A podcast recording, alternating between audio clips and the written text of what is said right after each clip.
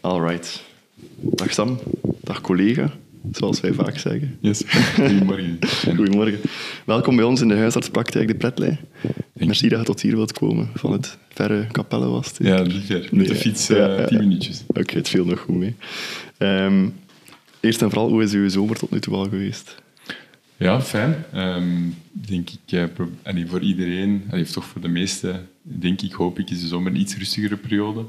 Eh, klinisch hopelijk voor jullie ook, toch ook minder ehm, respiratoire eh, problematiek. Mensen zijn op vakantie. Ehm, dus ik denk ook sowieso klinisch iets rustiger. Ehm, en ook beleidsmatig, omdat ik de twee toch graag combineer, Ja. iets rustiger, omdat ik eh, nu nog tot eind september eh, opleiding urgentiegeneeskunde afrond. En dan vanaf 1 oktober normaal eh, start 1 als eh, staflid aan urgentie en 2 terug mijn rol als medisch directeur opneem. Dus, eh, voilà. dus voor mij iets rustiger, iets meer tijd voor de kinderen Ja. en voor mezelf. ja. En vanaf september, oktober terug tegen alle rollen bijeen. Ja, ja. Maar ik heb daar ook altijd van voor, allee, op voorhand gezegd, en dat eh, schrijf ik ook in mijn boek, dat ik ervan overtuigd ben dat door zaken te combineren, hetgeen eh, dat, dat jij ook doet, je ziet ons hier zitten, dat dat de beide rollen of meerdere rollen versterkt eh, in, in, in eh, verschillende richtingen. Ja, denk ik ook. Nu, is ook wel zichtbaar aan jouw cv. Ik heb een keer op uw LinkedIn ik ben gaan stalken eigenlijk. Ik heb uw experiences, rolletjes even bekeken. En het is een, eigenlijk, ja, ik viel achterover van de, van de lange lijst dat je al gedaan hebt. Ik ga een korte summary geven daarvan. En het gaat waarschijnlijk ook niet volledig zijn. Je bent eh, arts-internist van opleiding. Je hebt de opleiding tropische geneeskunde gevolgd. Je bent de volksgezondheidsspecialist. Je bent adviseur geweest voor onze eerste minister Alexander De Croo tijdens de COVID-pandemie. Je bent ook een jaar consultant geweest in BCG. Je bent lid en vicevoorzitter geweest van de denktank De Vrijdaggroep. Sinds dit jaar, hij zei het al, ben je ook regionaal medisch directeur van het ZNA. Dan zal je de verhuis naar het eh, ziekenhuis Cadix in goede banen opleiden. En ondertussen doe je ook gewoon nog even uw spoed eh, eh, fellowship erbij. Ja, ja. En ik denk, nog een dingetje dat misschien de meeste mensen, of de meeste collega's van mijn generatie jou nog best van kennen, is van het programma The Flying Doctors. Hè. Waar je met een sportvliegtuigje van Kortrijk was, naar, Ja, naar Congo ja. vloog. Wevelgem. Of van Wevelgem, ja. ja. Eh, en eh, ik heb nog iets gevonden dat er ontbreekt in jouw experiences blokje, en dat is auteur. Ehm, dat staat uiteraard op andere websites zeker mooi beschreven, maar op LinkedIn eh, staat het nog niet. Maar je hebt dus een, een, een boek geschreven die ik gelezen heb onlangs, en ik vond het zeer interessant, eh, zeer aangenaam om te lezen. Vandaar dat ik u ook heb uitgenodigd. Dus nog eens merci om hier te komen. Dankjewel. Wel, ik viel achterover als ik dat las. Hoe heb je daar al die tijd voor om die dingen te combineren? Ja, dat is, dat is zeker een stretch, maar misschien moet ik naar de, hoe zou ik zeggen, de vraag die ervoor ligt eh, gaan, namelijk waarom heb ik dat allemaal gedaan? Dan denk ik dat het uiteindelijk hoe dat je dat dan combineert, ehm, als je dat allemaal graag doet en, en je rolt van het een in het ander, dan, dan gaat dat eigenlijk wel vanzelf. Maar dus de, de vraag waarom dat ik dat gedaan heb, ehm, is omdat ik mij echt letterlijk de vraag, wat maakt het uit, de titel van het boek, eigenlijk op dag in dag uit heb gesteld. Hè. Ik ben ge- geneeskunde beginnen studeren met het idee van, ja, oké, wat is gezondheid? Wat, wat maakt dat mensen ziek worden? Ehm, ook ingegeven door, door natuurlijk ook alle kansen die ik heb gekregen, op reis ben gegaan. Ja, en dan zie je gewoon armoede, zieke mensen die geen toegang hebben tot gezondheidszorg. En dus, dus elke keer zo die vraag stellen van zo'n reflectie van oké, we wonen in België, we hebben een fantastisch gezondheidszorgsysteem. Ja, hoe komt dat? Wat is mijn rol daarin? Wat, wat maakt het uit als ik arts zou worden? Wat maakt het uit als mijn patiënt stopt met roken? Ehm, dus, dus eigenlijk continu zo, zo die vragen ehm, stelde ik mij al van het begin nog voor ik geneeskunde ging doen. En dan kwam ik eigenlijk over de loop van de jaren, ja, omdat er eigenlijk heel maatschappelijke vragen zijn, vragen die veel breder gaan dan geneeskunde, kwam ik eigenlijk bij onbewust global health uit. En dan eigenlijk van global health is eigenlijk gewoon een aftakking van public health. Ehm, en dan heb ik dat eigenlijk beseft. En dan dacht ik, oké, ik moet misschien daar mij toch in gaan verdiepen. Ehm, en dan heb ik daar ja, zitten op zoeken en dan kwam eigenlijk snel naar boven, op zoeken, veel over gelezen. En dan kwam eigenlijk naar voren dat de Verenigde Staten al sinds jaar 1800, de grote universiteiten, uh, Johns Hopkins, Harvard, Columbia, uh, Yale, Berkeley, dat die eigenlijk allemaal heel ja, uniforme, uh, hoog aangeschreven Masters of Public Health organiseren. Um, en ik daarvoor geappliqueerd ben ik onmiddellijk na zeven jaar geneeskunde, in plaats van een specialisatie te beginnen, heb ik dat een paar maanden uitgesteld, ben ik naar Harvard getrokken. Daar die Master of Public Health begonnen.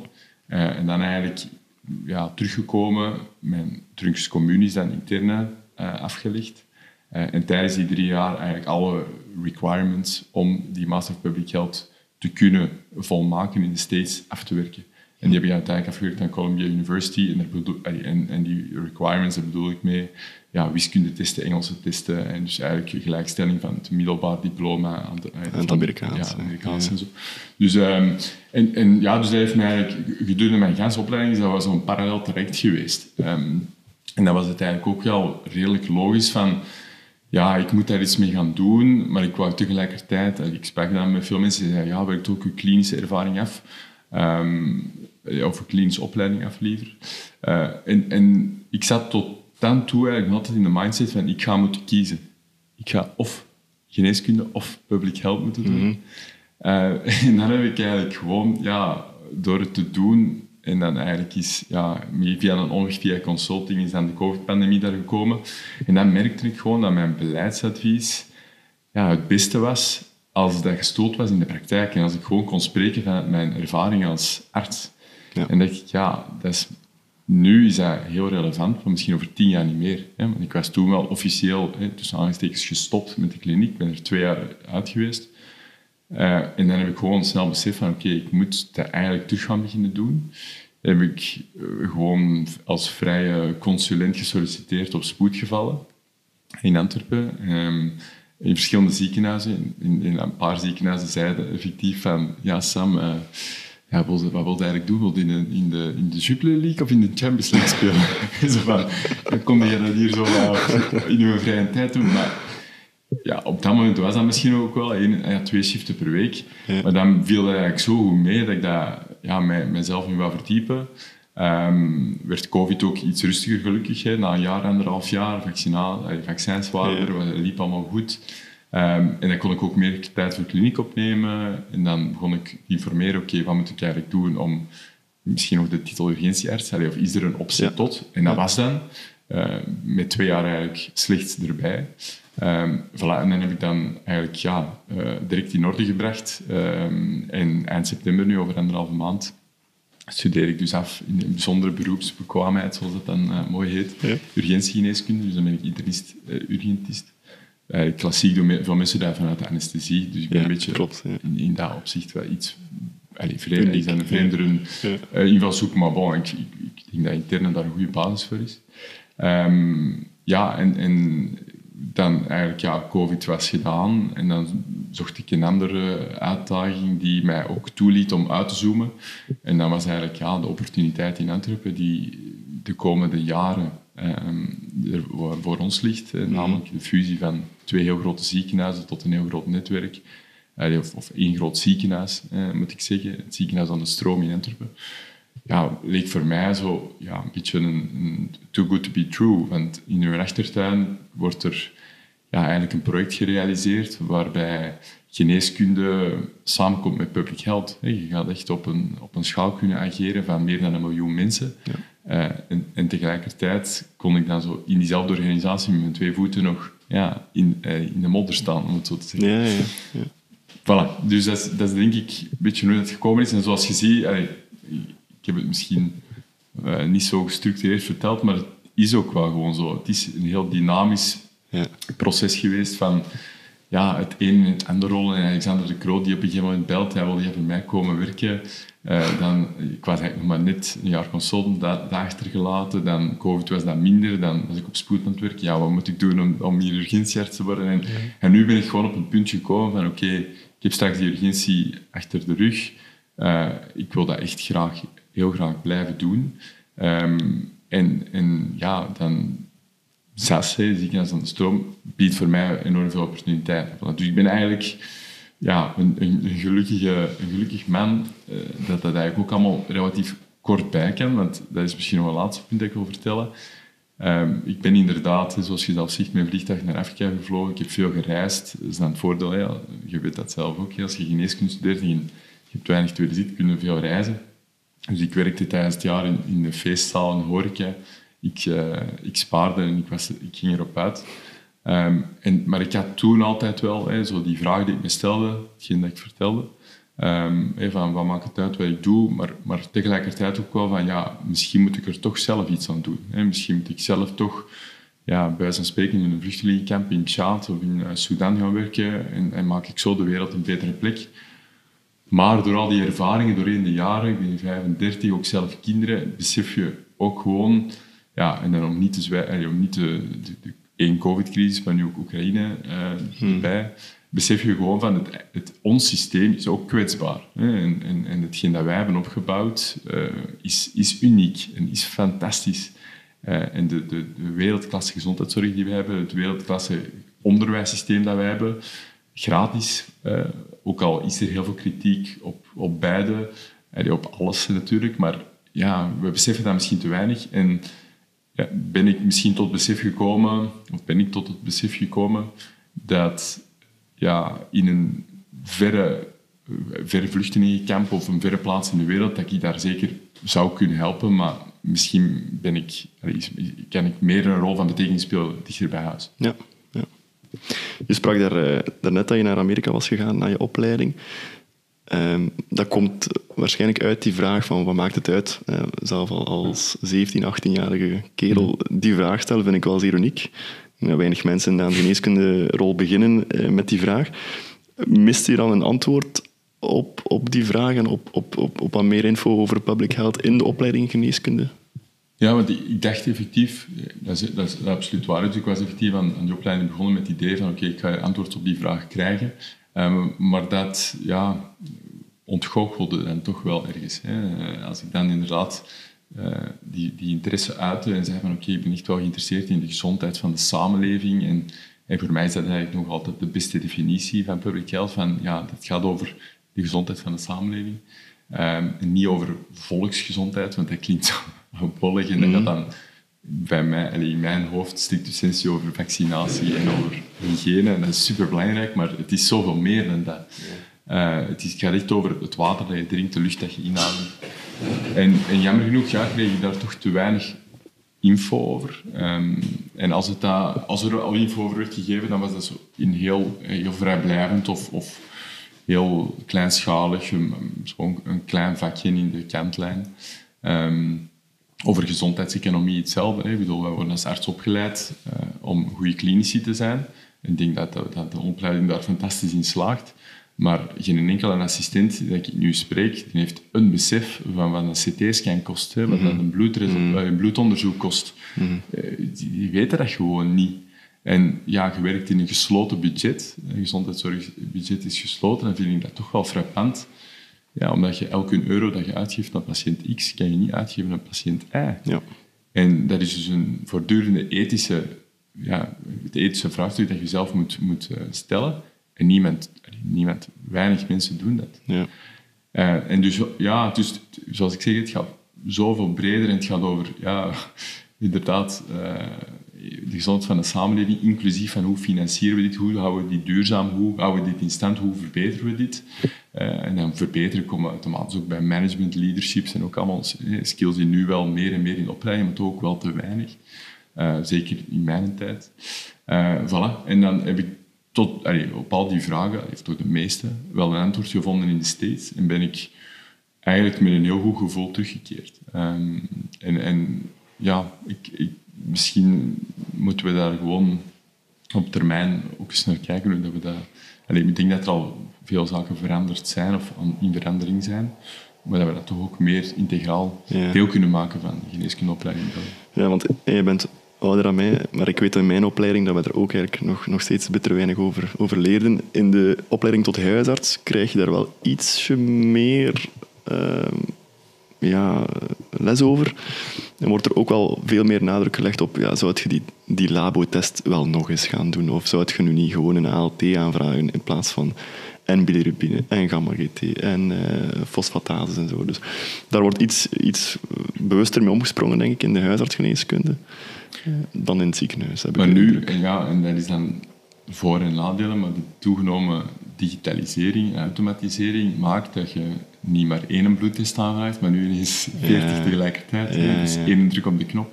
En vroeger moest je nog echt handmatig gaan zien op zo'n formulier. Ja, waar staat dat hier? Ja. Je had dan wel mensen die van boven naar beneden een lijn trokken. Ja, ook nog gezien, ja.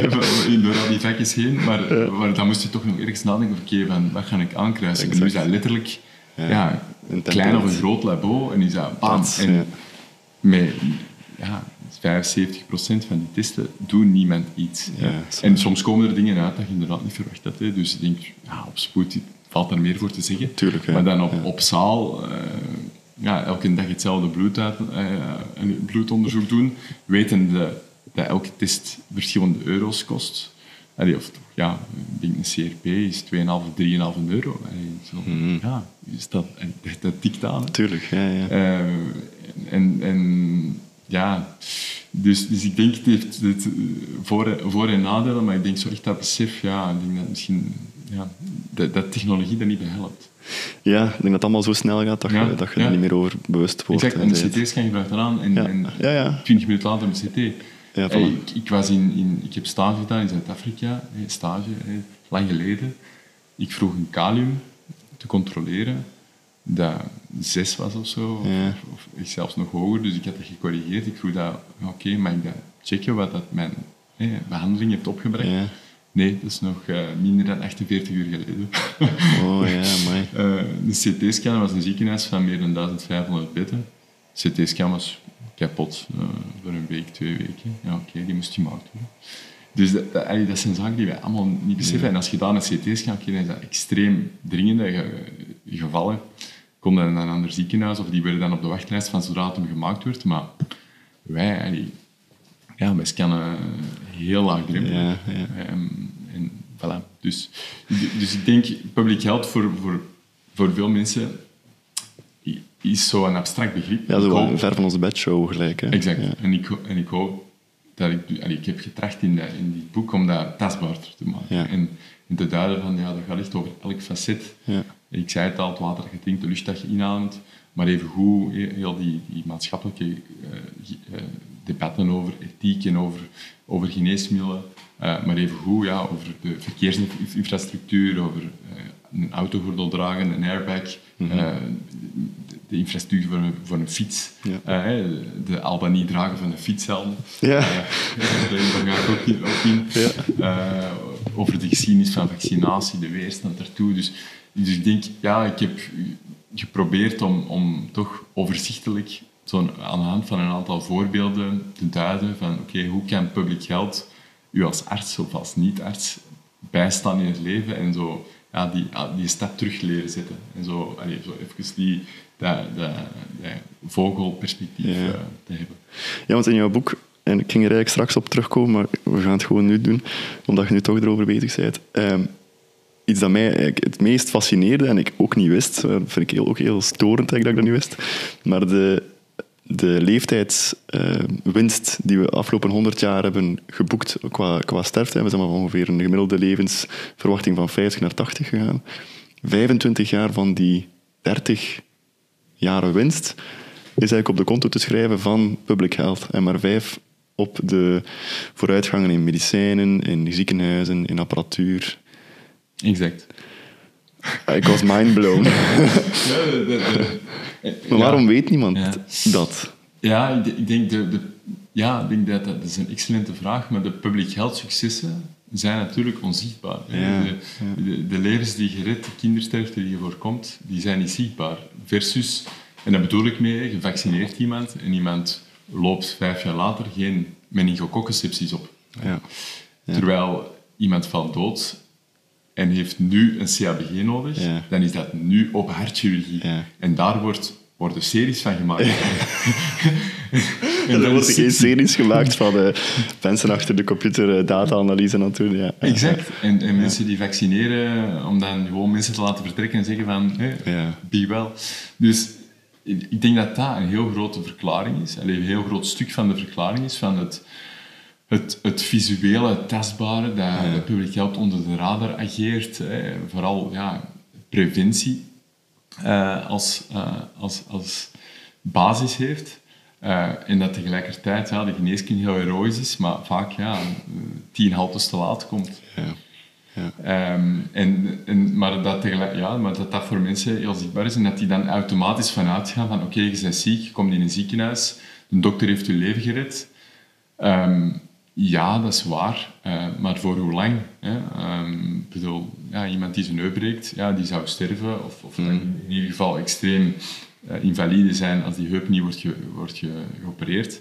Maar als die patiënt een, een geriatrisch profiel heeft uh, of vanuit een zorgcentrum komt, dan overlijdt 50% binnen het jaar. Ja, ja oké, dan is dat super heroïs dat je een heup steekt, maar misschien hadden we moeten voorkomen dat die patiënt eh, überhaupt ja. gevallen was en zijn heup had gebroken. En natuurlijk, ik zie dat met heel veel respect voor de collega's van de PD en goed weten dat het allemaal heel complex is, maar ik probeer maar te duiden ja, dat, dat, dat wij wat een fout beeld hebben en, en, en ermee ook dat ik... Dit, dit boek is ook wel wat een ode aan de samenleving en het feit dat we allemaal wel voor elkaar hebben gekregen dat we supergezond zijn mhm. en dat we, ja, dat we dat vanzelfsprekend vinden, dat we op het einde van de rit naar een ziekenhuis kunnen, dat alles terugbetaald, maar dat we ook wel ja, heel gezond daartoe komen. Mm en uiteraard moet gezondheidszorg blijven bestaan. En ik bedoel, ik werk zelf op spoed, want een groot stuk van de ziektes zijn niet te voorkomen. Hè? Ja. En iemand van 30 jaar kan ook zijn neus breken. Hè? Uh, of, of ook een hartinfarct hebben, maar dat zal wel de minderheid zijn. Ja. ja, want in een artikel die ik onlangs heb gelezen, denk ik, schrijf je ergens van... Het zou ideaal zijn moesten spoedgevallen eigenlijk een, een plek worden waar echt de niet te voorkomen ziektes en, en ongelukken zijn en de hartinfarct en de beroertes, et cetera, et cetera, eigenlijk niet moeten komen of omdat er gewoon geen zijn, omdat er zo'n goede preventie en, en, public health is. 100 procent, 100 procent. Ik denk een, een, sleutel, of, of ik wil niet zeggen de sleutel, maar dus de gezondheidszorg, de, de druk erop, zowel eerste, tweede als derde lijn gaat toenemen. Dus ik denk dat, we, dat het nu ook de tijd is om een versnelling hoger te schakelen, om meer te investeren in public health, om exact wat jij zegt, hè, nog meer hè, de te voorkomen ziektes effectief te voorkomen en de niet te voorkomen uh, ziektes en ongevallen. En de niet te voorkomen ziektes, ja, dat gaat over de meerderheid van de kankers, 60% is niet te voorkomen. Um, en, en, en de ongevallen, ik bedoel, iemand die, en ik bedoel nog veel in, in, in uh, investeren in verkeersveiligheid, er zullen altijd ongelukken mm. zijn, jammer genoeg.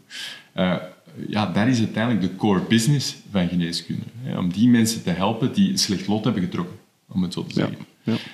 En al de rest moeten we vooral voorkomen, omdat we, we gaan allemaal, ja, denk ik, eh, bezwijken is misschien een groot woord, maar de druk gaat niet afnemen. En als je ziet de instroom van zorgverleners versus de uitstroom ook post-covid en de complexiteit van opleidingen, hoe, hoe, hoe multi uh, of ultra gespecialiseerd en alles wordt. Ja, we, we, gaan niet kunnen volgen. Dus, dus mijn pleidooi is echt, is echt dubbel. Hè, en, en je, moet, je moet echt investeren in beide. Um, en, en, en ook gewoon wel wetende dat de investeringen nu in, in, in public health, want ik noem het niet zo graag alleen preventie, public health is veel breder, veel breder dan, dan preventie, um, is uh, ja, ondergeschikt aan investeren in gezondheidszorg. Ja, want ik, eh, ik heb ooit een masterproef geschreven voor mijn huisartsgeneeskundeopleiding en ik denk dat ik toen een, een percentage heb opgezocht hoeveel in België aan preventie mhm. of hoeveel geld er gaat naar preventie. En dat was denk ik maar een 3% van het totale budget voor gezondheidszorg. Effectief, het zal, het zal zoiets zijn. De ene zegt 2% en de oh, in Nederland zou, zou het zogezegd 4 zijn. Ja, ja het is uh, single digits. Uh, ja, en we zitten ook blijkbaar heel ver onder het Europese gemiddelde als, als België. Ehm, waarom is het dan dat we maar zo weinig spenderen eigenlijk aan gezondheidszorg als dat ons die 25 jaar meer hmm. heeft opgebracht? Ja, um, Ja, ik denk zoals ik één zei, is het, is het puur het visuele. Twee is dat het niet helpt. Hè. Waarom dat België daaronder uh, de, de mediaan zit, uh, is onze staatsstructuur, jammer genoeg. Ja. Dus in, in de zesde staatshervorming 2013 uh, maakte dat preventieve en curatieve gezondheidszorg gesplitst zijn. Ah, ja. um, dus elke investering die je doet, of die de overheid doet, eh, liever, in gezondheidspreventie, een, lees een anti-rookcampagne of gezonde voeding of meer bewegen, um, die winst komt eigenlijk op konto van de federale overheid. Hè. Dus er is eigenlijk weinig incentive um, om voor de een om, om te investeren voor kostenreductie van de ander. Bizar, ja. Ja, dat is in mijn ogen, en we hebben dat tijdens COVID heel hard gevoeld, dat zo dat splitsen van preventie, dat was dan het opsporen van, um, in het begin nog, hè, de, de, de, de track and trace, of de contact uh, tracing. Ja. Um, en dan in, in een latere fase de vaccinatiecampagnes. Dat was pure ja, regionale bevoegdheid. En dan kom je daar, ja, je zit in een nationale, internationale crisis. En dan zit je daar ineens met vier verschillende vaccinatiecampagnes. Hè? Vlaams, Brussels, Waals en Duitsstalig. De, maar bon, we hebben dat denk ik goed aangepakt. Uh, van de Broeke, de Kroo, dat was een, een supergoeie tandem. Uh, extreem capabele mensen in het uh, commissariaat. Dat is wat ik wil niet iedereen complimenteren, maar we, we hebben toen ook wel beseft van oké, okay, we moeten gewoon een uniform ja. beleid voeren. En er was één vaccinatiestrategie die wel uitgerold werd in de verschillende gemeenschappen. Um, maar ja, toen was wel voor iedereen duidelijk van oei, hè, die staatsvervoering misschien niet het meeste rekening met een pandemie of met ja. eender welke gezondheidszorgcrisis. Want ja, hoe dat je het ook draait of keert, elke gezondheidszorgcrisis zal een facet curatie hebben, maar vooral ook ja. ja voorkomen en preventie. Hoe zijt je daarin ingerold in die politieke rol als adviseur van onze eerste minister tijdens de pandemie? Ja, uh, the right right uh, man on the right place. Ja, uh, en ik denk gewoon inderdaad stoemelings. uh, ik had op dat moment mijn, mijn opleidingsinternist afgerond. Ik was consultant bezig, dus ik had eigenlijk zo ja, de, de, de goede achtergrond. Ja. Ik was altijd ook wel geïnteresseerd geweest in infectieziekten. Jammer, kwam de, allez, jammer genoeg, bon, ik ben nu urgentie aan doen, maar infectiologie is, is, een discipline die mij altijd heeft geboeid. En pas een jaar later, nadat ik ben afgestudeerd als internist, een, een volwaardige specialisatie is geworden. Mm um, dus ik, ik, had daar wel uh, onderligging in. En dan ook public health. Oké, okay, is nog een groot stuk ook wel epidemiologie natuurlijk als, als basis. Uh, dus, dus dat zat goed. Uh, en dan ja, was ik bij BCG begonnen, was ik toevallig, omdat eigenlijk ja, de, de kabinetten in lopende zaken waren. Um, waren er veel mensen die vertrokken. Dus Maggie de Blok um, had een, een, een open uh, tender uitgeschreven om uh, mensen in het kabinet uh, op kortdurende basis voor een paar weken, maanden aan te nemen um, om voor te bereiden op de tweede golf, die we toen we gingen komen. Want de eerste golf was maart 2020, dat was eigenlijk de zomer 2020 mm -hmm. dat die tender werd uitgeschreven. en dan heeft BCG, dus de Boston Consulting Group, waar ik toen werkte, daarop geappliqueerd. Nee. En gezegd van, oké, we hebben misschien wel mensen, samen met Deloitte en, ja. en anderen. Um, en dan, ja, oké, okay, had ik dat moment goed profiel. Ik was er aan de slag gegaan, uh, in een covid-cel, zoals dat dan heette. En ja, dat beviel mij en dat ging goed. En ik probeerde echt zo die brug te slaan tussen wetenschap en, en politieke beleidsvoering. En Alexander Kroo was dat aan te weten gekomen en die regering werd gevormd en ik zeg het, ja, ik kreeg telefoon. Oké, ik heb iemand nodig. COVID-aanspreekpunt, COVID-liaison tussen mij en andere ministers. Uh, zit je dat zitten? Ja, ik heb er toch een nacht over moeten slapen. ja. Ik wist zo niet goed, waar houdt dat in? En, ja. Maar dat was, uiteindelijk voor mij was dat, ja, dat was de, de, de, een van de meest verrijkende professionele ervaringen in mijn carrière. Um, die, die crisis van die omvang, dat was echt, ja, uiteindelijk alles waarvoor dat ik op dat moment getraind had. Hè. Wel in, een, mhm. in een vroeg stadium, maar ik, had er wel voor, ik was erop ja. voor opgeleid. Ja, ja. Um, en, en dat beviel mij en, en ik dacht van oké, okay, ja, dit is fantastisch. Uh, maar tegelijkertijd, dat heb ik al verteld, ook beseffende van ja, oké, okay, nu ben ik dan nog goed in, omdat ik nog echt ik mezelf arts voel. Um, en ik moet dat vooral blijven vasthouden. Dus het is ook wel die ervaring die mij ook wel terug naar de kliniek heeft gebracht ja, ja. want ik wil graag nog even voortgaan op de politiek, maar ik zal nog even een, terugs, een terugsprongetje maken, want in 2019 komt er een artikel uit, in de Ja. Knak en in andere kranten. En ik weet nog dat ik het gelezen heb, en ik vond toen vond ik het al, al, al frappant eigenlijk, en gezegd daarin, in 2019, ik wil eigenlijk geen dokter meer zijn. Het is, het is voor mij genoeg geweest. Ja, ja en, en dat, dat komt terug op, op wat dat echt anderen tegen mij zeiden, andere artsen. Hè, zo van, ja, je moet kiezen en je kunt niet de twee doen. En, Ah, ja. en je- en van die, ik zei van die Jupiler in, die, in de Champions League, hè, van, ja, wilde, met alle respect voor de Jupiler League. Ja, tuurlijk. maar de Champions League is natuurlijk hè, wel Ja, iets hoger niveau, maar wilde echt hè, topnotch zijn en een supergoeie kliniekjes. En, ik- en ik ben daar tot op zekere hoogte mee akkoord. En ik verklaar mij nader.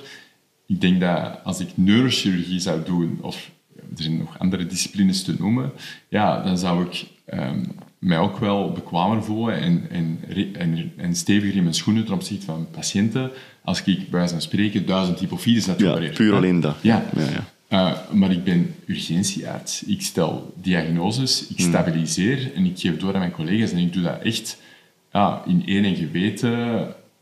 Doe ik dat, allee, voldoe ik aan alle kwaliteitseisen en voel ik mij daar goed in.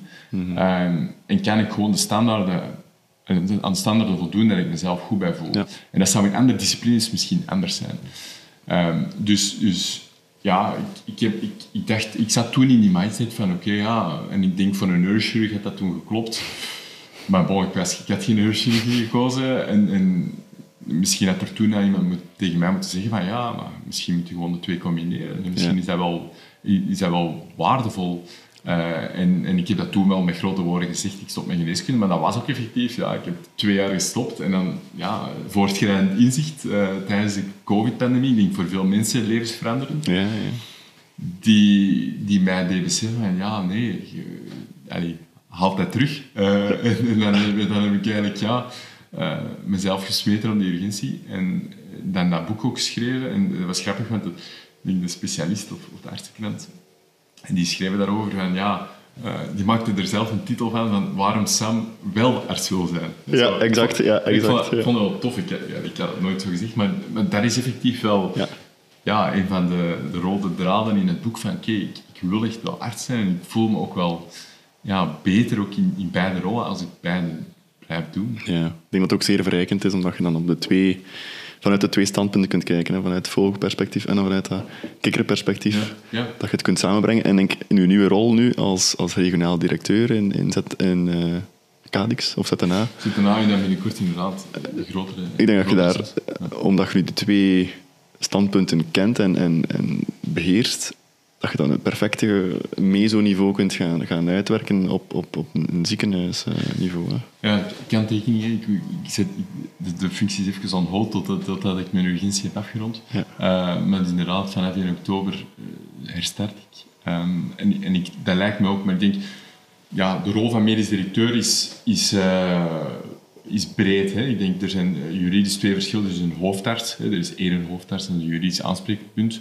Maar ik denk ook, ja, organisaties nu worden meer geprofessionaliseerd. Ook die rol van hoofdarts is meer geprofessionaliseerd. Dus dan omvat eigenlijk de term medisch directeur, medical director, dat iets beter. Dat gaat meer over ja, inhoudelijk, strategisch, is minder juridisch en minder ja, de, eh, de, de, de, de eindverantwoordelijke, ook bij twisten en zo. eh, interpersoonlijke conflicten komen eigenlijk altijd bij de hoofdarts. En ik ja, focus mij samen met een aantal andere mensen echt op dat ja, medische directieluik.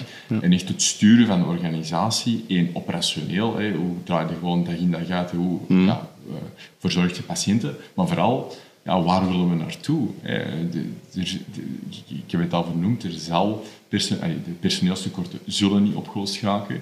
Eh, er komt meer technologie op ons af. Eh, hoe gaan we daarmee om als, als ziekenhuis? Hoe gaan we ons eh, diversifiëren, specialiseren vanuit de overheid? Dus top-down is er ook en internationaal meer en meer ja, de druk om ehm, ja, performanter te zijn, meer waarde te leveren in plaats van gewoon pure volumes af te leveren. Hè. Effectief ehm, mortaliteitsreductie, morbiditeitsreductie. Je ziet nu al op Gezond België, dat die, die statistieken worden al voor verschillende ziekenhuizen gepubliceerd. Hè. Voor borstkanker in ziekenhuis A de beter uitkomen dan in ziekenhuis B. En dat zal in de toekomst alleen maar uh, toenemen. Dus ik denk dat we daar een heel grote verantwoordelijkheid hebben en dat, we, dat de gezondheidszorg te lang een beetje met de kop in het zand heeft gezeten en zegt van oké, ja, wij doen dat supergoed. En ik, en ik denk dat dat tot op zekere hoogte waar, waar is en elke zorgverlener altijd het beste voor heeft bij de, met, zijn, met zijn of haar patiënt. Maar het is gewoon ja, jammer genoeg de waarheid dat je niet in alles kunt excelleren en dat je soms zult moeten kiezen. En als jij 100 slokdarmen of 50 op een jaar opereert, dan is dat heb je een betere outcome dan als je er maar hier en daar opereert. Ja, ja, ja. Ik ga nog terug, want het is, het is hier van de hak op de tak, vind ik zelf, maar ik vind het super interessant. Um, ik ga even teruggaan naar, naar die politieke carrière. Mm wat heeft u dat bijgebracht? In het heet van de strijd eigenlijk erin gegooid. Um, wat, heb, wat, wat, neem je daarvan mee naar, naar jouw één dagelijks leven of ook naar jouw uh, werkleven? Ik denk dat in, in, wat dat voor mij, zou ik zeggen, um, uh, hoopvol was, um, is dat politiek zich echt wel kan overstijgen um, in tijden van crisis. En dat, was, uh, dat was heel mooi om te zien. Ik werkte met heel veel ministers en kabinetsleden en, en, en, en, ambtenaren. Uh, uh, civil servants, het Engels woord is wel mooi. Ja, eh, klopt. samen. Die, die ja, echt partijoverschrijdend werkten en die gewoon allemaal de idee hadden van oké, we moeten die crisis hier zo snel als mogelijk de kop indrukken en, en verder gaan. en dat was dus echt een periode waarin dat partijpolitiek onbestaande was. En, en hetgeen dat mij stoort aan politiek, en ik denk mij niet alleen, is ja, de particratie en Klopt, het, eh, continu reflecteren van ja, wat denkt de partij hierover? En je merkte al na een jaar of anderhalf jaar in de crisis begon die reflex op terug te komen. Hè. Dus mm. dan, dan, dan stelde ik iets voor en was dat van, ah ja, maar dat was dan minder urgent. En ja, maar wat denkt de partij erover? wat, boeit dat? Ja, wat boeit dat? wat, wat, maakt dat uit? Het is, het is wetenschappelijk uh, gefundeerd en dit is, denk ik, de juiste beslissing. Um, en ja, ik kan mij worst wezen of, dat, of dat de partij dat nu zus of zo verdient. Ja. Um, dus uh, ja, dat heeft me zo ergens doen beseffen van zo dat evidence-based uh, ja, policymaking, om, om de analogie met evidence-based medicine te trekken. Ik denk dat eigenlijk evidence-informed policymaking vaak nog iets beter is, omdat ja, echt based is moeilijk. In de geneeskunde kunnen we zeggen, ja, het is zo, de studie heeft dat getoond. Als politicus hebben we natuurlijk ook wel een heel hoop andere verantwoordelijkheden. En, en, en heel veel context. Ja, en, en heel veel landgewijs. Het is, vaak minder zwart-wit. Dus evidence-informed policymaking was wel hetgeen dat ik heb gedaan. En, en, en dat was wel fantastisch om te zien dat dat werkt en dat dat kan. Uh, en dat was eigenlijk voor mij van de grootste ja, lessen uh, van oké, okay, het kan, uh, laten we dat dan meer doen. Um, dus ik hoop naar de toekomst toe um, dat, dat, dat dat opnieuw kan. Um, maar natuurlijk, ja, gezien de, de politieke moeilijkheden, complexiteiten in, in dit land, ja, ben ik daar nu ook niet, hoe zou ik het zeggen, ja, heel hoopvol over, toch niet op heel korte termijn, omdat dat er gewoon zoveel andere problemen zijn, ja. bestuurlijk dan. Maar we zullen wel zien. Uh, ik denk, als ik ooit terug, allee, of als men mij zou vragen om terug zo'n mandaat op te nemen, ja, dan is het wel in, in, in die technocratische rol, in die, in die evidence-informed policy-making rol. Ja. Uh, en, en ik ben niet geneigd om op een lijst te gaan staan, om dan gewoon verder te gaan in, in, in, de, in de particratie, ja. Waar, waar, ons land ja, bijzonder goed in is. Ja, want het is toch een extreem andere wereld, hè, denk ik, dan als arts eh, versus een, een politieker of, of een kabinet. Ja, ja maar het is, is, misschien goed dat je dat zegt, want ik, ik, ik denk, en, en ik probeer altijd mensen, eh, artsen, uh, collega's te motiveren, is om, om wel zo'n meer maatschappelijke rol op te zoeken. natuurlijk, een politieke rol is echt al ene extreme, mm -hmm. um, maar het kan ook anders. Hè. Ik heb, uh, je hebt het in de inleiding uh, genoemd, hè. jarenlang in de Vrijdaggroep gezeten. Dat is een, een denktank ondersteund, ondersteund door de Koning Boudewijn Stichting. Um, maar even goed, hè, een lokale natuurvereniging, jeugd, jeugdwerking, ja. noem het op. Um, en ik denk als arts hebben we een heel maatschappelijke rol. Um, en, iedereen vult dat voor zichzelf in, maar ik spreek, denk als arts hebben we dat echt wel. Ehm, misschien moeten we daar ook gewoon meer doen. Hè? En, en, en, moeten we ons uh, ja, inzetten voor de bredere samenleving. En, en uh, ik denk ja, dat, dat, iedereen daar, daar wel bij zou varen. Zo, zowel de organisatie als, als de arts zelf, dat, dat echt verrijkend kan zijn voor, voor je praktijkvoering en voor de, de patiënten die je ziet. Ja, ja. ja goede tip. Ik ga er iets mee doen. Zit er ooit nog een rol weggelegd voor jou als uh, minister van Volksgezondheid, bijvoorbeeld? Um, wel, dat komt dan terug tot wat ik net zei. Van als het heel technocratisch is, ja. als het echt een technocratische benoeming is, uh, ja, uh, dan wel. Um, maar om echt democratisch daarvoor gekozen te worden op een lijst en om ja. bij wijze van spreken, en dat is echt met niet pejoratief bedoeld, maar om de, de markten af te schuimen met flyers. Ja, ja ik denk dat, dat, dat ja, ik zie het begin al te zuchten. ik zie het, het is nieuw. Uh, maar, maar uiteraard, ik zou geen nee zeggen. Uh, als, als ze dat zouden vragen. Ik, absoluut. Uh, dat, dit is wel, denk ik, de droom um, van, van elke arts die, die een beetje in beleid geïnteresseerd is. Ja. Toch? Oké, okay. we gaan het in ons achterhoofd houden. um, ik ga de zijspoor maken naar het boek. En wat maakt het uit? Mm -hmm. Die je hebt geschreven dit jaar. Is het uitgekomen.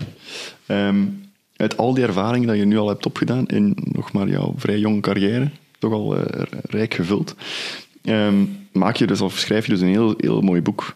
Ik zei het al toen, voordat we de podcast starten, ik vond het zeer interessant. Um, het heeft mij dingen bijgeleerd die ik, ik ook niet wist. En waar ik dacht van, waarom, dat, waarom krijg je dat nu ook niet in de opleiding? Al die informatie. Uh, eerst en vooral, waarom heb je dat boek geschreven? Dat is mij gevraagd. Hè? Ah. nee, dat is, dat is niet het meest gemotiveerde antwoord. Nee, maar ze hebben het effectief gevraagd. Ja, ja. Um, omdat ik ook wel uh, een tien, nee, meer, twaalf, dertien opiniestukken heb geschreven. Toen ik bij de vrijgroep zat, altijd met die publiek geld insteken. Dus ik, ik schreef graag, ik schrijf graag. Um, maar ik had mezelf nooit uh, een boek zien schrijven. Ik dacht bon, uh, ik durfde mezelf ook niet echt per se schrijver of zo noemen. Ik schreef af en toe eens een opiniestuk. Ik werkte daar dan wel soms echt een week aan. Van noeste arbeid op 700 woorden. Ja. um, maar bon, ik dacht, een, een, boek, ja, dat is onoverkomelijk. Nee, dat is, dat is niet te overzien. Uh, ik begin er niet aan. Oké, okay, maar dan stelde men die vragen, heb ik er even over nagedacht. Um, maar dan leek het voor mij wel een hele goede methode om mijn gedachten te structureren. En zo te zeggen van, oké, ja, ik had, ik had dan die twaalf opiniestukken van, oké, wat, zijn, wat is de rode draad of zijn de rode draden? Waar ben ik nu mee bezig? Zoals we het al over gehad hebben, hè, mijn traject tot nu toe. Waarom sta ik waar ik sta? Waarom doe ik waarom dat, wat ik doe? En zo, wederom zo altijd zo die, ja, die, bijna die filosofische gedachteoefening van is op papier te zetten. Um, voilà, ik ben er aan begonnen. Uh, en twee jaar later is het, is het dit boek geworden. Um, met hier en daar wel um, soms het gezicht tegen de muur. Uh, uh, met het gezicht tegen de muur te hebben gelopen als je zo feedback kreeg ja. om drie uur s'nachts van een prof. Ik had verschillende proffen zo met, met mijn script gestuurd van oké, okay, wat denk je ervan? Zowel medisch als niet medisch. Uh, ja, en in het begin werd dat natuurlijk met de, met de, met de grond gelijk gemaakt. Ja? Wat zeiden ze Ja, maar ik denk, dat dat normaal is. En ik, denk, ik heb ook geleerd, uh, ik heb ook een boek gelezen over hoe dat je een boek moet, moet, uh, moet schrijven. geschreven door Mark Bulles. Echt, dat is een oud prof aan het ja. Lerik, ja. ook een veel schrijver. Ja. en die, die stelt in zijn boek... Um, uh, van, van, van, van, elk boek heb je drie versies. Hè. A shitty first draft, a good second version en a brilliant third. Okay. Uh, ik laat het midden of dat ik aan een brilliant third geraakt ben. Uh, maar die shitty first draft is er effectief geweest. Dat was echt gewoon dat was waanzin. Als ik daar nu op terugkijk, denk ik van wauw, als dit ooit in de winkel had gelegen, ik had, me, ik had echt niet durven omkijken op straat.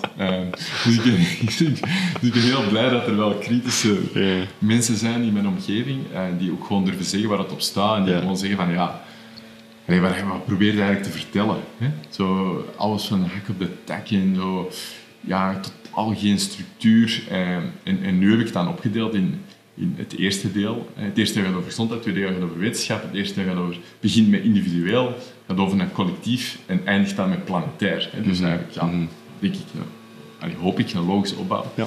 Uh, en, en het tweede stuk gaat over wetenschap Ehm, vooral ook omdat, het een, ik vind het een beetje een ode aan de wetenschap ook, maar vooral ook omdat het eerste deel uh, lees, hè, we zouden niet zoveel weten over gezondheid zonder de wetenschap. Hè. De, de, geneeskunde zou niet bestaan zonder ja. wetenschap. Ja. Uh, en dus ook ja, aan de mensen, uh, denk ik, op een hopelijk relatief eenvoudige wijze proberen uitleggen waarom dan niet elke associatie een causatie, een causatie en dus een, een oorzakelijk verband heeft. Ja, exact. Ja, is het een... Dus je hebt al gezegd, het is een beetje een pleidooi aan public health. Mm -hmm. um, maar is het ook een, een, een manier om echt wel de, onze samenleving wat te informeren over hoe dat wetenschap wordt, wordt gevoerd? Hè? Want teruggaande op die pandemie, daar kwam natuurlijk heel veel tegenkamping uit heel veel verschillende kampen dan. Ja. Is jouw boek een, een, een probeersel, is het verkeerde woord, maar, maar een, uh, ja, het proberen om mensen duidelijk te maken dat wetenschap ook maar ja, ook zijn limitaties kent, maar ook al heel veel heeft, heeft bewezen. Absoluut. En ik zou ook het boek niet geschreven hebben, denk ik, als ik niet uh, op het kabinet had gewerkt. Mm -hmm. Omdat op het kabinet werd mij echt duidelijk uh, aan de duizenden lezersbrieven, en ik citeer er één ergens, uh, um, als me niet duidelijk werd dat mensen het heel moeilijk hebben met te begrijpen wat wetenschap is. Ja. Um, en wetenschap is het eigenlijk ja, het, het in vraag stellen. Hè? En, het durven in vraag stellen. Uh, en het dan vervolgens gaan onderzoeken en zien van oké, okay, wat is hier een mogelijk antwoord? Um, en, en ook dat die wetenschap, ja, dat, het, dat die invraagstelling, dat dat een proces is dat soms jaren duurt en dat er een graduele opbouw is van kennis. Ja. En die heet dan de body of evidence. Ja. En dat weinig mensen ja, daar precies weet van hebben. Dat die lukraak artikelen beginnen citeren of um, hoog aangeschreven wetenschappers beginnen citeren. Terwijl 99,9% van de wetenschappers totaal iets anders zegt. Maar die ene gerenommeerde heeft dit gezegd. Of dat één artikel heeft dit gezegd. Ja. En dan probeer ik te duiden van, ja, maar jongens, dit is echt niet ja, de body of evidence. Dit is niet de, ja, de, de, de, de wetenschappelijke consensus. Hè, nog zo'n woord. Mm -hmm. um, en, en ik, ja, ik denk, ik hoop dat dat voor veel mensen toch zo ja, inzichtgevend was. Om, en, en als het niet is, dan liegen ze, want ik heb tijdens COVID continu van die meldingen gekregen. Ja, maar dit artikel en die wetenschapper. Ja, ja. En dat was zo vermoeiend. Terwijl Ja. ik gewoon, ja, eigenlijk gewoon wou sturen. En dat heb ik dan, ik zeg het iets langer proberen uitleggen in het boek. Van oké, ja, zet even een stap terug. Oké, wat zegt de meerderheid? En wat is de, uh, welke, wat voor studie is het? En, en, en, en zo, ja, die, welke, allee, de denkfouten en um, de manier van tot, tot stand komen van de studie, is dat op, is op dieren, is dat op mensen? Allee, zo, ik, heb dat echt geprobeerd om heel bevattelijk, met een minimaal aan, aan uh, hoe zou ik het zeggen, uh, overtollige bagage uh, te duiden. Wat dat niet makkelijk was, en ik weet niet of ik er heel sterk in geslaagd ben, maar in het, is zeker beter dan in het begin. Want in het begin zeiden ze ja, dat ik gewoon een halve cursus statistiek geschreven. en dat was natuurlijk ook voor niemand, er niemand een plezier mee. Maar het is soms wel nodig. Hè. Je moet een zekere kennis Ja, van, ja. van wetenschappelijke methoden Ja. en statistiek hebben om gewoon te begrijpen wat dat ja, er, er in de wereld omgaat. En, en dat is, als je dat niet hebt, en totaal geen kennis eh, daarvan hebt ge- meegekregen in je opleiding, ja, dan is het heel moeilijk om een krantenartikel te interpreteren waarin staat dat je van een glas rode wijn twintig jaar langer gaat leven en dan de volgende dag leest dat je van alcohol eh, sneller doodgaat. Ja, dat is heel, heel tegenstrijdig. En, en ik stoor me daar ook wel enorm aan. aan eh, dat is ook een verkeerd woord, maar aan het eh, eh, populise- pop- ja, populiseren van, van wetenschappelijke artikels die dan worden met een, met een headline in de krant gepost. En waar dat iedereen dan achteraf bij mij op de consultatie komt. Ja, dokter, vitamine D, er is iemand van dood gegaan, van de overdosis. Ik ga dat niet meer nemen nu. En ik denk, oh, Ja. ja, dat is, dat is wel jammer dat dat dan zo, zo op een, openbaar eh, uit wordt vergroot en, en totaal, totaal verkeerd wordt eh Ja, ja, absoluut. geïnterpreteerd. En, en ja, dan, dan probeer ik daar ook op in te gaan van, oké, waar heb je iets gelezen? Er is echt, het eindigt met hè, de stappenplan. Hè, van, Heeft iemand anders het al voor u nagekeken? Dat is misschien stap nul. Hè, dan moet je de moeite niet meer doen. Maar dan, ja, waar heb je het gelezen? Wie heeft het geschreven? Uh, wat voor studie is het? En dat zijn toch een aantal basisvragen die u misschien wel kunnen helpen. Dus in, in dat opzicht is het boek, zeker het laatste stukje, um, toch ook wel zo een praktische leidraad om naast een krantenartikel te houden. Ja. Hoe ga ik hier... Zelf je factcheck doen eigenlijk. Ja, ja, exact. Ja, ja, um, ja, jouw boek heet Wat maakt het uit? Waarom jouw gedrag iedereen gezond maakt. Uh, en in jouw eerste zin schrijf je, of de eerste zin van het boek schrijf je, mijn hele leven lang worstel ik al met de essentiële vraag, mhm. waarom maakt het uit? En wat maakt het uit dat ik niet meer met vliegtuig reis, geen vlees meer eet, mijn afval braaf sorteer? Uh, gaan we dan echt allemaal minder snel aan? Hoe zou je die vraag, dat je u al zo lang stelt, op dit moment in je leven beantwoorden? Ja, het tipje van de sluier in, in, het slotwoord beantwoord ik die. Ja, ja. ja bon, is natuurlijk een open deur. Uh, ja, het maakt uit. Ik denk um, de meest sprekende voorbeelden, twee daarvan die ik ook uh, citeer, uh, er zijn er onnoemelijk meer op te sommen. maar ik denk twee, en misschien de eerste voor veel mensen gekend, hè, is, is Rosa Parks, Martin Luther King. Als zij mhm. niet mhm. de plaats in de bus niet hadden afgestaan, of Martin Luther King niet alles gedaan heeft wat die man heeft gedaan, ja, dan was er misschien nog altijd nog meer rassendiscriminatie in de Verenigde Staten mhm. en wereldwijd. Um, maar dan misschien minder gekend is, is de de Physicians uh, um, Against uh, Nuclear Proliferation. En heeft de acroniem ontsnapt me nu, maar dat is eigenlijk ja, een, een organisatie van artsen, bottom-up, die zich verzetten tegen de proliferatie van atoombommen. Um, die hebben daarvoor de Nobelprijs gekregen. En die hebben heel veel impact gehad. En die hebben echt wel er mede voor gezorgd dat, er, uh, ja, dat de Koude Oorlog koud is gebleven. en dat, uh, het aantal atoombommen heel sterk verminderd. Is er natuurlijk nog altijd absurd veel, maar mm. uh, ze waren op een gegeven moment een veelvoud van. Ja, ja. Um, en, en, dan denk ik, ja, als individuele arts u verenigen, allez, dus als individu echt opstaan, maar ook tegelijkertijd u echt organiseren. Maar natuurlijk, Rosa Parks, maar Luther King, die waren niet alleen. Maar het waren wel die individuen die daarmee begonnen zijn. Dat zijn natuurlijk eh, extreme voorbeelden. Ik zeg niet dat iedereen op de barricades moet staan. Maar ja, dat zijn wel mensen, organisaties die niet van bovenaf waren gestuurd of, of die, die top-down zijn georchestreerd. En, ja, dus, dus eh, oké, het zijn grootse voorbeelden. Um, maar ik denk dat het bijna even groot kan zijn voor hetgeen dat ik opzonde van in een lokale vereniging aan de slag te gaan. Gewoon uw, uw, uw, uw plicht tussen aanhalingstekens doen als burger, met effectief uw afval te sorteren. Um, en je stoep ijsvrij te maken, ja, wil, iemand die zijn uitbreekt, dat is echt wel een lange lijst. Ja, soms een dead sentence. Hè, zoals ja, je, soms een dood, inderdaad, een doodvonnis. Dus ik, ja, ik denk zo de, de impact van ieders individuele handeling, ik denk dat we daar niet te lichtzinnig over moeten gaan en dat we dat soms wel doen. Um, onderschatten we dat? Ja, dat we echt onderschatten. Ja. ja. Dat we allemaal denken van ja. De politiek moet maar doen en de bedrijven moeten maar voilà, en, doen. Ja, en, niet meer vliegen van Londen naar Parijs. Of oké, okay, er is een, een, kanaal tussen, maar van Amsterdam naar Parijs. Ja, ja, ja die vliegtuigen vliegen toch. Ja. Ja, als, als, als inderdaad de, iedereen dat blijft zeggen, dan gebeurt er niks. Maar als die een weet ik veel, die een 2.173.533ste passagier zegt, nu ga je dat toch wel, ik kan dat toch een trein nemen. Wel, dan gaat die maatschappij misschien zeggen van, ja... Het is niet meer waard. Het is niet meer waar, het brengt niet meer op. En dan gaan ze ermee stoppen. En, en in Frankrijk zijn nu hè, bepaalde korte, ja. uh, korte afstandsvluchten ja.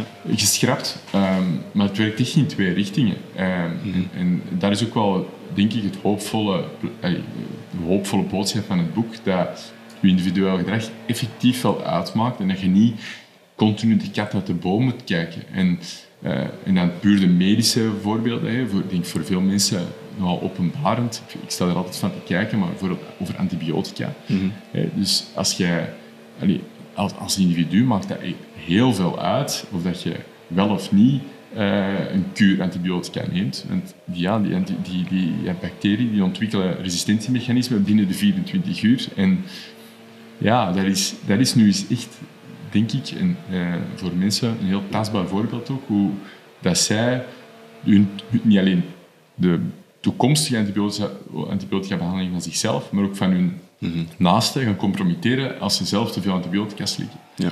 En dat is heel stuitend, want de meest hoogopgeleide mensen zeggen mij van oeh, ja, maar ik heb toch geen probleem, want ik heb nog nooit antibiotica Ja. genomen. Wat, de- pff, wat Ze denken dat, dat de resistentie in zichzelf komt. Exact. Ja. Ja, bon, je, je weet Ja, je ja. Eh, maar, maar ja, zo'n open deur. En dan denk je van... Ja, en, en dus zo'n zaken zijn ook wel... eh, dat zijn eh, twee vragen terug, maar zo... De, de motivatie geweest om toch dat neer te schrijven. Ja, omdat, ik, ik leg het simpel uit, ik hoop niet te simpel, maar sommige zaken die...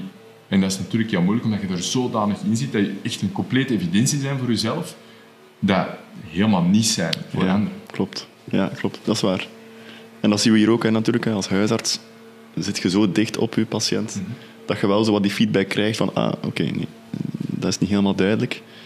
Ehm, dat vind ik ook het leuke aan, aan huisartsgeneeskunde. Dat je, ja, je zit echt zodanig op je patiënt dat je direct feedback hebt. Dat je direct weet of je patiënt mee is of, of niet. Eh, dat vind ik ook leuk. Is dat nooit een, een, een idee geweest om huisarts te worden? Ja, en ik denk dat het heel mooie aan jullie beroep is, en het is, ligt niet verlengde, maar je hebt het niet zo expliciet gezegd, is de, de follow-up. hè. Dus de, je doet iets en, en wat komt erna? Dus bij mij is dat dan Ja, ja, ik schrijf patiënten op, allee, of de naam, en ik zoek dan daarna op van, oké, wat is er mee gebeurd? Of zo, zo, ja. Ja, van, ja. oké, ja, leeft hij nog überhaupt, of, of is hij geopereerd, of wat is er gebeurd? Of, ja. soms weet het echt totaal niet. En dat is op zich ook niet erg. Je stabiliseert de patiënt, geeft hem door. Eh, maar dat is wel intrig- intrigerend. En, dat, en ik merk dat bij sommige collega's die urgentiearts zijn, die zeggen, ja, pff, ik ben daar niet zo geïnteresseerd. Nooit mee, Maar dat is goed, want het zijn excellente urgentieartsen die stellen een diagnose of niet, of die stabiliseren de patiënt, geven die door, maar ja, dat is dan misschien zo wat de internist die mij die Ja. zo, ja, wat heeft hij nu? Ja, ja, ja. En ik denk als huisarts is dat heel mooi, omdat je gewoon iemand kunt laten terugkomen. Ik ben zo vaak zo geneigd van, kijk, ik heb dat niet gezegd, maar ja, stuurt mij een berichtje of zo. Ja, ja, ja. Alsjeblieft, WhatsApp mij. Ja, ja, dan wordt het moeilijk eh behapbaar, eh, de, de, de mailen en, Ja. en WhatsApps in deze wereld, want dat gaat iedereen sturen. Maar, maar ik, ik heb soms echt zo, ik ben soms echt nieuwsgierig. Ik ben niet zo van, ja, maar... En dat is dan de luxe, als ik het zo mag zeggen, als huisarts, van, komt volgende maand terug en we bespreken hoe het zien gaat. Voilà, ja. Want het is grappig dat je het zegt, want op de wachtpost heb ik hetzelfde fenomeen. Ah, Ik kom, ik kom iemand tegen, ik zeg maar iets pneumonie, ik behandel die, maar dan is die ook weg. En het zijn niet mijn patiënten. Ze gaan naar hun eigen huisarts en dan vraag ik mij soms af, is het nu beter of niet? Of is die nog naar spoed moeten gaan of niet? Exact. Dus eh, ja, leuk. Ehm, in jouw boek schrijf je ook eh, tweemaal over het Pareto-principe. Mhm. En ehm, wat dat eigenlijk voor, voor grote impact heeft als individu Mhm. in jouw gezondheid, maar ook op public health niveau. Kan je dat wel schetsen, wat dat juist is, dat Pareto-principe, en hoe dat, zich- dat zich vertaalt in Ja, die twee werelden? zeker. Ehm, op individueel niveau heb ik dat verwoord eh, als de Vital Four. Ja. Ehm, en eh, dat is heel kort gezegd niet roken. Ja, een, een open deur, niet roken. Eh, gezond eten. Eh, gezond eten is relatief, daar ga ik iets dieper op in. Eh, ehm, maar dat zou mij te verleiden. Drie, een half uur per dag bewegen. En vier, BMI niet boven de 30 ah, Mhm. laten komen. En dus niet 25, maar echt 30. hè, Dus echt de grens van obesitas. Niet overgewicht. Eh, dus ja, niet roken, gezond eten, een half uur per dag bewegen, BMI niet boven de 30. Als je die vier zaken doet, dan heb je eigenlijk al 80%, ja, dus de meerderheid, de grote meerderheid, van je te winnen gezondheids... eh, eh, te- ja, te winnen gezondheidswinst, moet ik Ja. zeggen. Te boeken gezondheidswinst. Ja. Ja. Want, die, want al de rest ja, kun je toch niet voorkomen. Hè. Hetgeen eh, dat we er juist al zeiden, er zijn, er zijn verschillende kanker die je gewoon... Allee, een hersentumor heb je bitter weinig vat op. Maar dus als je... En mijn pleidooi is eigenlijk... eh, Dus het Pareto-principe die stelt van ja, met een, met een minimale eh, eh, in- input hè, heb je eigenlijk een heel grote output. hè, en daarover gaat dit. Hè. Uiteindelijk, hetgeen dat ik heb opgezond, ja, niet roken, gezond eten, dag bewegen. Zo moeilijk is het niet. Ja, dat is niet zo moeilijk. Ja, ja. En, en daar bereikt je wel 80% van de resultaten. En dan Ja. denk je van, ja... En, en hetzelfde eigenlijk in de, in de gezondheidszorg. Hè, om op, op het tweede luik van uw vraag te antwoorden. Als je daar focust op een, een minderheid van de patiënten, ehm, dan gaat je eigenlijk de meerderheid van de uitgaven bestieren hè, of, of uh, kunnen reduceren. Hè. Dat zijn, hè, om, om, en, en, dat is natuurlijk ook heel, de, de, heel het principe van verzekeringen. Hè. Ja, en waarom dat wij een, een, een één betaalsysteem hebben, het RISIF, en dat dat, dat, dat draait, is omdat ja, de sterke voor de zwakkere betalen. Mm -hmm. En een dialysepatiënt kost de maatschappij miljoenen euro's. Um, en ja, een gezonde 20 of 30 kost bijna niks. Mm -hmm. um, en de een betaalt voor de andere. En als je dan in de gezondheidszorg gaat kijken, ja, dan moet je niet op al die patiënten gaan focussen, maar moet je soms eh, gericht acties gaan ondernemen op die heel zieke patiënten, op die dialysepatiënten, zien dat die minder ja, complicaties doen, waardoor dat je disproportioneel veel ja, geld gaat kunnen besparen, uh, zonder daar ja, onoverkomelijk grote populatiebrede acties te gaan ondernemen. Ja. Dus, uh, en, en, en, dat principe, als je dat ja, in gedachten houdt, dan zie je dat je dat op veel plekken gaat kunnen gebruiken. Um, en dat maakt het ook allemaal veel ja, behapbaarder. Hè? Want ja, oké, okay, hoe gaat het de gezondheid of de gezondheidszorg de kosten reduceren? Ja, begin maar eens. Hè. Ja, dat was mijn volgende vraag. En, en, dus, ja, en, en als je dan echt gaat, gaat spitsen, ga, ga, en dat is natuurlijk gezondheidseconomie. Ja. Uh, en, en, en, natuurlijk, je hebt daar goede data voor nodig, maar dan ga je kijken van oké, okay, uh, 10, 20% van je patiënten die zijn verantwoordelijk voor mm -hmm. ja, zo'n groot mm -hmm. uh, uh, zo'n groot bedrag, of, of de meerderheid zelfs van de uitgaven in de gezondheidszorg, ja, laat ons daar eerst op focussen en dan, en dan zien we dat we wat verder kunnen doen. Dus uh, ja, in, in, het is in principe Pareto um, dat, veel mensen gekend is, maar ik denk heel toepasbaar op, uh, op de gezondheidszorg, allee, of gezondheid, zowel individueel als collectief. Ja. ja, want dat wordt de grote hamvraag, denk ik, voor de komende jaren. Hoe gaan we onze gezondheidszorg, die nu ja, veel geld uh, vraagt. Hoe gaan we dat zo kunnen houden? Mm -hmm. Waarop gaan we moeten investeren? Waarop gaan we moeten besparen? Keert alles dan terug eigenlijk tot het individu en proberen we dan iedereen zo gezond mogelijk te houden volgens dat Pareto-principe. Dus mm -hmm. zoals eh, niet roken, BMI onder de 30, bewegen en, en gezond eten.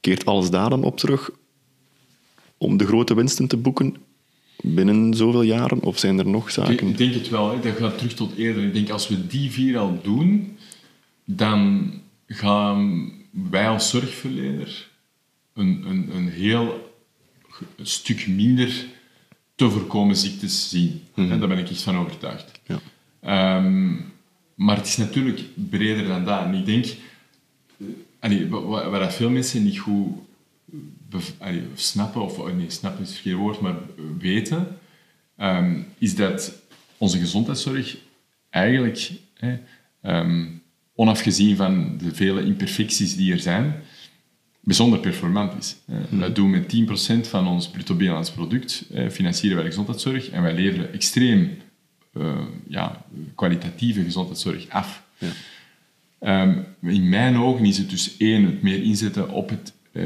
individu, maar dat, ik, ik zeg het voor mij is dat echt in de brede zin van het woord, hè, is dat echt inzetten op luchtvervuiling, uh, op uh, fietspaden, om het nu heel concreet te maken. Mm -hmm. maar dat gaat natuurlijk ook allemaal, allemaal helpen, hè, want dan ga je wel aan de half uur, hè, die een van die Vital Four ja. voldoen, een half uur bewegen, omdat je dan wel misschien je fiets naar het werk ja, gaat nemen.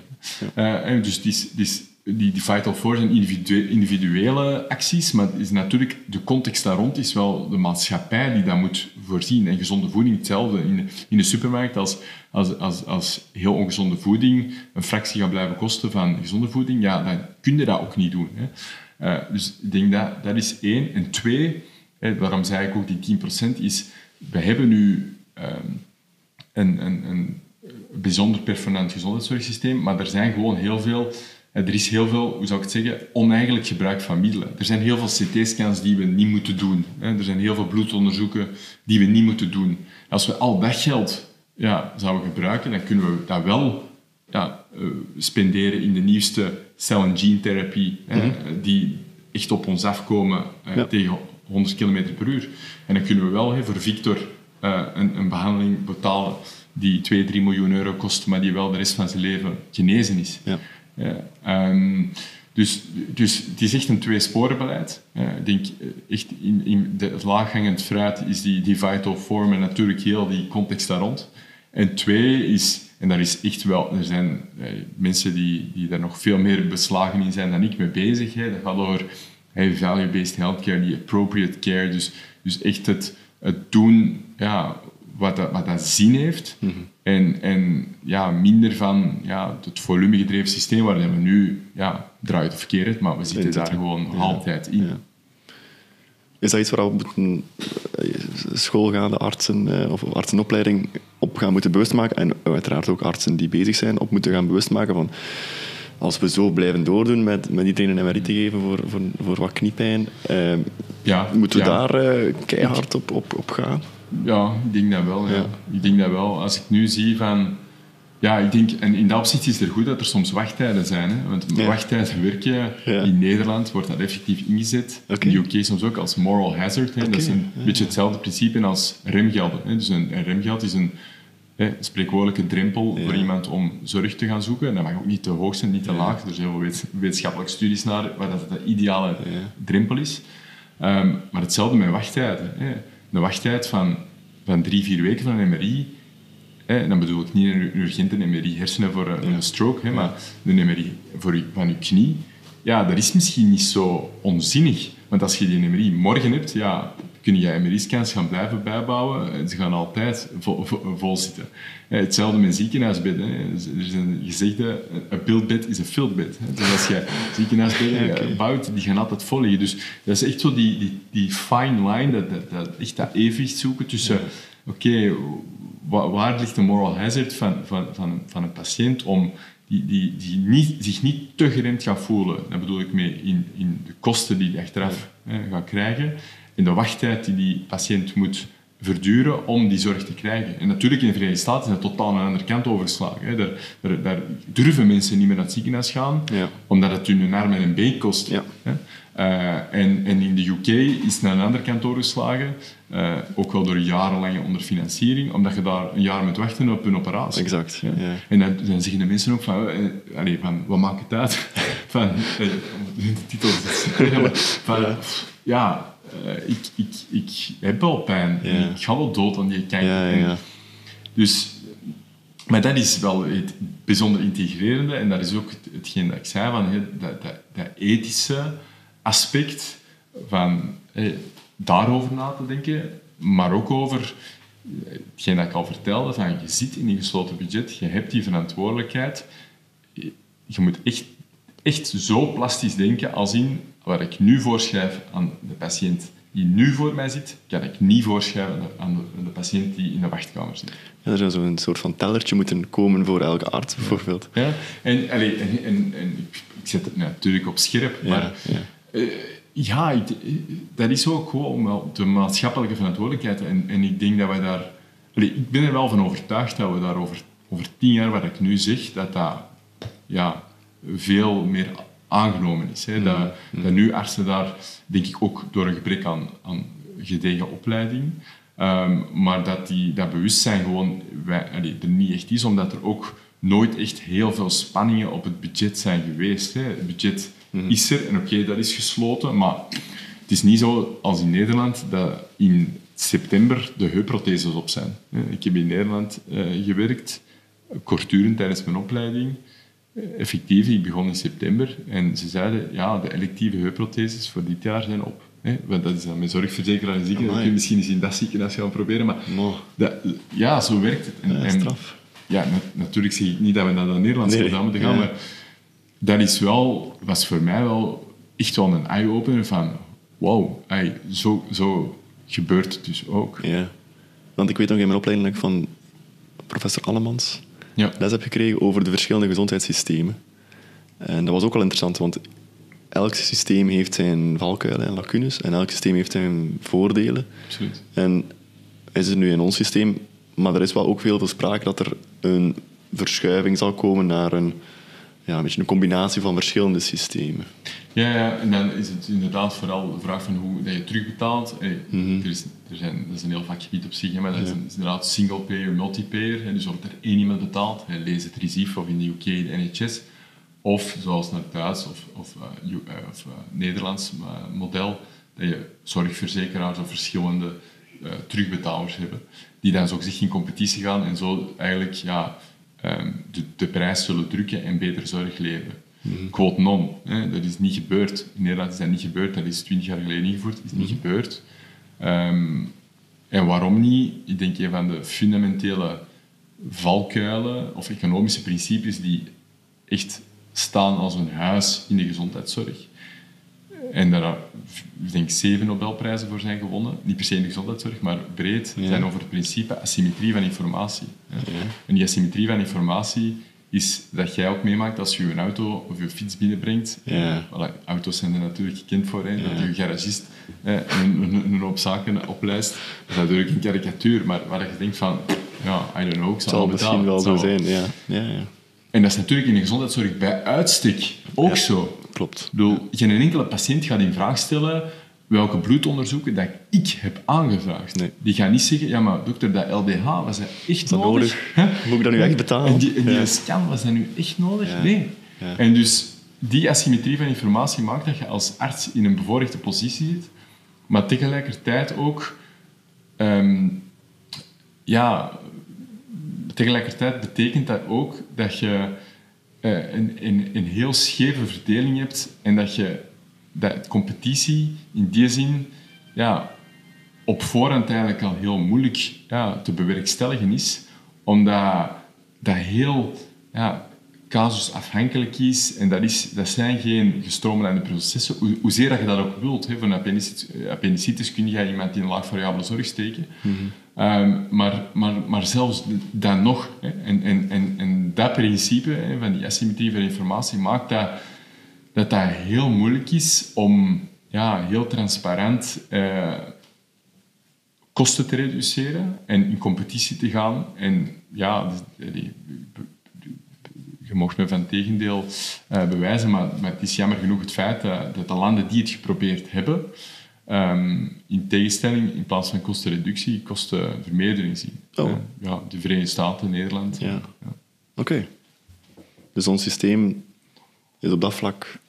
Ons systeem, een single-payer system, is supergoed. hè. Ik denk dat, dat, je, dat, dat je dus geen concurrentie moet eh, creëren. Ja. Maar de manier waarop dat die single-payer terugbetaalt, ja, dat moet uiteraard wel wijzigen. Ja. Ehm, en ik heb daar ook voor huisartsen, eh, een jaar geleden denk ik nu, ehm, een lezing over gegeven. Dat was, echt- was zo een vooruitblik naar de toekomst. En Frank van den Broeke was toen ook eh, samen met mij. Ik denk, eh, en, en Maggie de Blok is dat eigenlijk al gestart. Ehm, is effectief naar een omslag in de terugbetaling van een puur fee-for-service, dus prestatiegerichte financiering, eh, naar een, met een heel duur en, en onvloerst woord, eh, mixed modality eh, systeem te gaan, waar dat je en een stuk fee-for-service houdt, maar dat je ook echt gaat naar performance ehm, Ja. eh, fa- eh, medicine, eh, dat je echt op, op outcome gaat financieren en overkoepelen. Hè, de umbrella term is daar, ik heb het al genoemd, hè, die waardegedreven, die value-based healthcare. Ehm, maar dat je daar veel meer ja, gaat ageren op hoe sterk kun je HbA1c van je patiënt doen dalen, eh, versus ja, hoeveel keer ziet jij die op consultatie. Ja. Eh, dat je veel meer gaat sturen over op ehm, een patiënt, hoe snel kan je terug vijf kilometer wandelen met die knieprothese, in plaats van hoeveel knieprotheses heb je gestoken. En er zijn effectief ja. veel, veel ehm, studies lopende en, en allee, meer en meer is daar toch de consensus dat dat ehm, veel efficiënter is en, en voor de patiënt vooral veel beter is. En ik denk, alles wat ik, wat ik nu ook zeg, ja, dat is natuurlijk het, het voornaamste is, ja, de patiënt eh, moet daar niet onder lijden. Hè. Die Ja. moet niet eh, mindere zorg gaan krijgen. Ja. Ehm, maar een knieprothese steken om dan achteraf allee, geen verschil te hebben, ja, is dat zo zinvol? Hè? Eh, met een heel lang revalidatietraject. Hè? We, steken, we steken vier, meer, vier keer meer knieprothesen dan in Ierland. Uh, loopt in Ierland iedereen met een rollator op straat? Denk ik niet. Denk het ook niet. Nee. Zijn er ook geen minder goede knieën, denk ik, dan hier. Ja. Uh, ik ga het nog even over een ander boek gooien, uh, Sam. In uw boek beschrijf je ook iets wat nogal, denk ik, nog, nog steeds in, in vele kringen controversieel is. En je zegt, ja, we gaan niet naar een population boom gaan, we gaan eigenlijk naar een population collapse gaan. Of toch een, stagnation. Uh, ja. misschien een collapse al, misschien een grote woord. zijn. Elon, Elon Musk is er. Ah, wel, wel, ik, ik wou hem inderdaad even ook erbij betrekken, nu dat je hem er toch bij haalt. Ja. Die zegt dus effectief, ja, we, we gaan met eigenlijk te weinig mensen mm. in plaats van te veel. Mm. Wat denk je daarover? Ik, ik, ben, ik ben, zoals op wel meer vlakken misschien uh, meer gematigd. Um, ik, ik, denk collapse is een groot woord en, en, zou een collapse per se heel slecht zijn. Ik denk het niet. Ik denk dat de planeet beter af is zonder mensen. Uh, ja, bon, mm. maar we zijn er nu en laten we er het beste van maken. Ja, ja. Uh, ik leef graag en ik... Bon, de, ja, ik ook. De, de, de planeet is bevolkt door mensen. ja, dus dat is, ik vind dat een beetje bizarre insteek als mensen zeggen, ja, ik wil geen kinderen meer, want de planeet is beter af. Ja, de. maar laten, we kunnen daar wel, denk ik, allee, denk, ik ben ervan overtuigd dat we als mensheid op een duurzame manier, in, in harmonie met die natuur, meer, veel meer in harmonie dan we nu doen, uh, kunnen, kunnen leven. En dus, maar, maar, maar, maar, maar waarom zeggen mensen dat? Omdat ze er absoluut van overtuigd zijn dat de bevolking gaat exploderen en dat dat een absolute nummer één is van alle problemen waar we uh, mee geconfronteerd worden, van milieuvervuiling, klimaatverandering, uh, uh, noem het. Um, maar mijn argument is dan altijd van, ja, maar kijk gewoon naar de loop van de geschiedenis.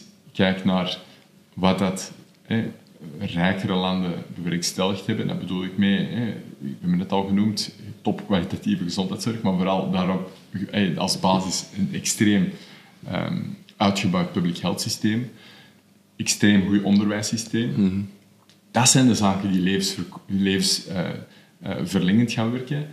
En um, uw vruchtbaarheidscijfer, uh, klinkt fantastisch, uw geboortecijfer, maar het is fertility index, ja, ja. Um, dat dat gaan reduceren. het is omdat meisjes langer naar school gaan, dat die zoiets hebben van, ja, maar ik wil geen kind op mijn 15 of mijn 16, maar ik ga niet meer naar school. Mhm. Dus die gaan mhm. gewoon later kinderen en minder, kinderen ja, Omdat ze ook gewoon toegeven tot geboortebeperking, eh, anticonceptie. Ehm, maar ook wel het besef hebben van, ik ga niet aan tien kinderen dezelfde kwalitatieve opvoeding kunnen geven als aan twee of aan drie. En dat besef, dat zie je gewoon de, wereldwijd. En dat heeft niet te maken, en heeft een stuk te maken natuurlijk met geld. En geld is daar wederom de associatie, maar de echte causatie daar is onderwijs. onderwijs ja. dus, dat stel ik ook eh, als voorbeeld. Van het is niet hoe rijker, hoe gezonder, maar hoe wijzer, hoe gezonder. Mhm. En het is vooral ja, dat wijzer, dat langer naar school gaan, dat gezonder zijn, dat langer leven, gaan minder kinderen hebben. En dat is voor mij echt de sleutel. Dus onderwijs ik, hoop ook dat veel leerkrachten dit boek gaan lezen, want, want, onderwijs is, is, is, echt de sleutel. Ja, um, ja um, ben ik vergeten wat, wat, wat, dat, wat de vraag was. of dat we met die population ah, stagnation... Ik, ik, exact, dus, dus mijn, mijn antwoord altijd is van ja, geboortebeperking en, en gewoon ook spreken over populatie, stop daar gewoon mee. Het maakt eigenlijk toch niet uit, want... Nee, het, het is een gevolg van. Ja. Hè? Ja, ja. Investeer in onderwijs, investeer in public health en de rest zal wel volgen. Exact, ja. En gaan we dan echt naar een collapse? Denk ik niet. We zullen tegen 20, eh, 2100 zullen we eh, inderdaad de daling hebben ingezet. Um, en dan zullen we wel zien waar we uitkomen. Maar die, die voorspellingen zijn ook eh, voor de voorbije decennia verbazingwekkend accuraat. Dus mm ik denk, eh, dat, is, dat de Verenigde Naties eh, doen dat natuurlijk in samenspraak met een hele hoop andere actoren, maar zij zitten er eigenlijk vaak eh, niet ver af.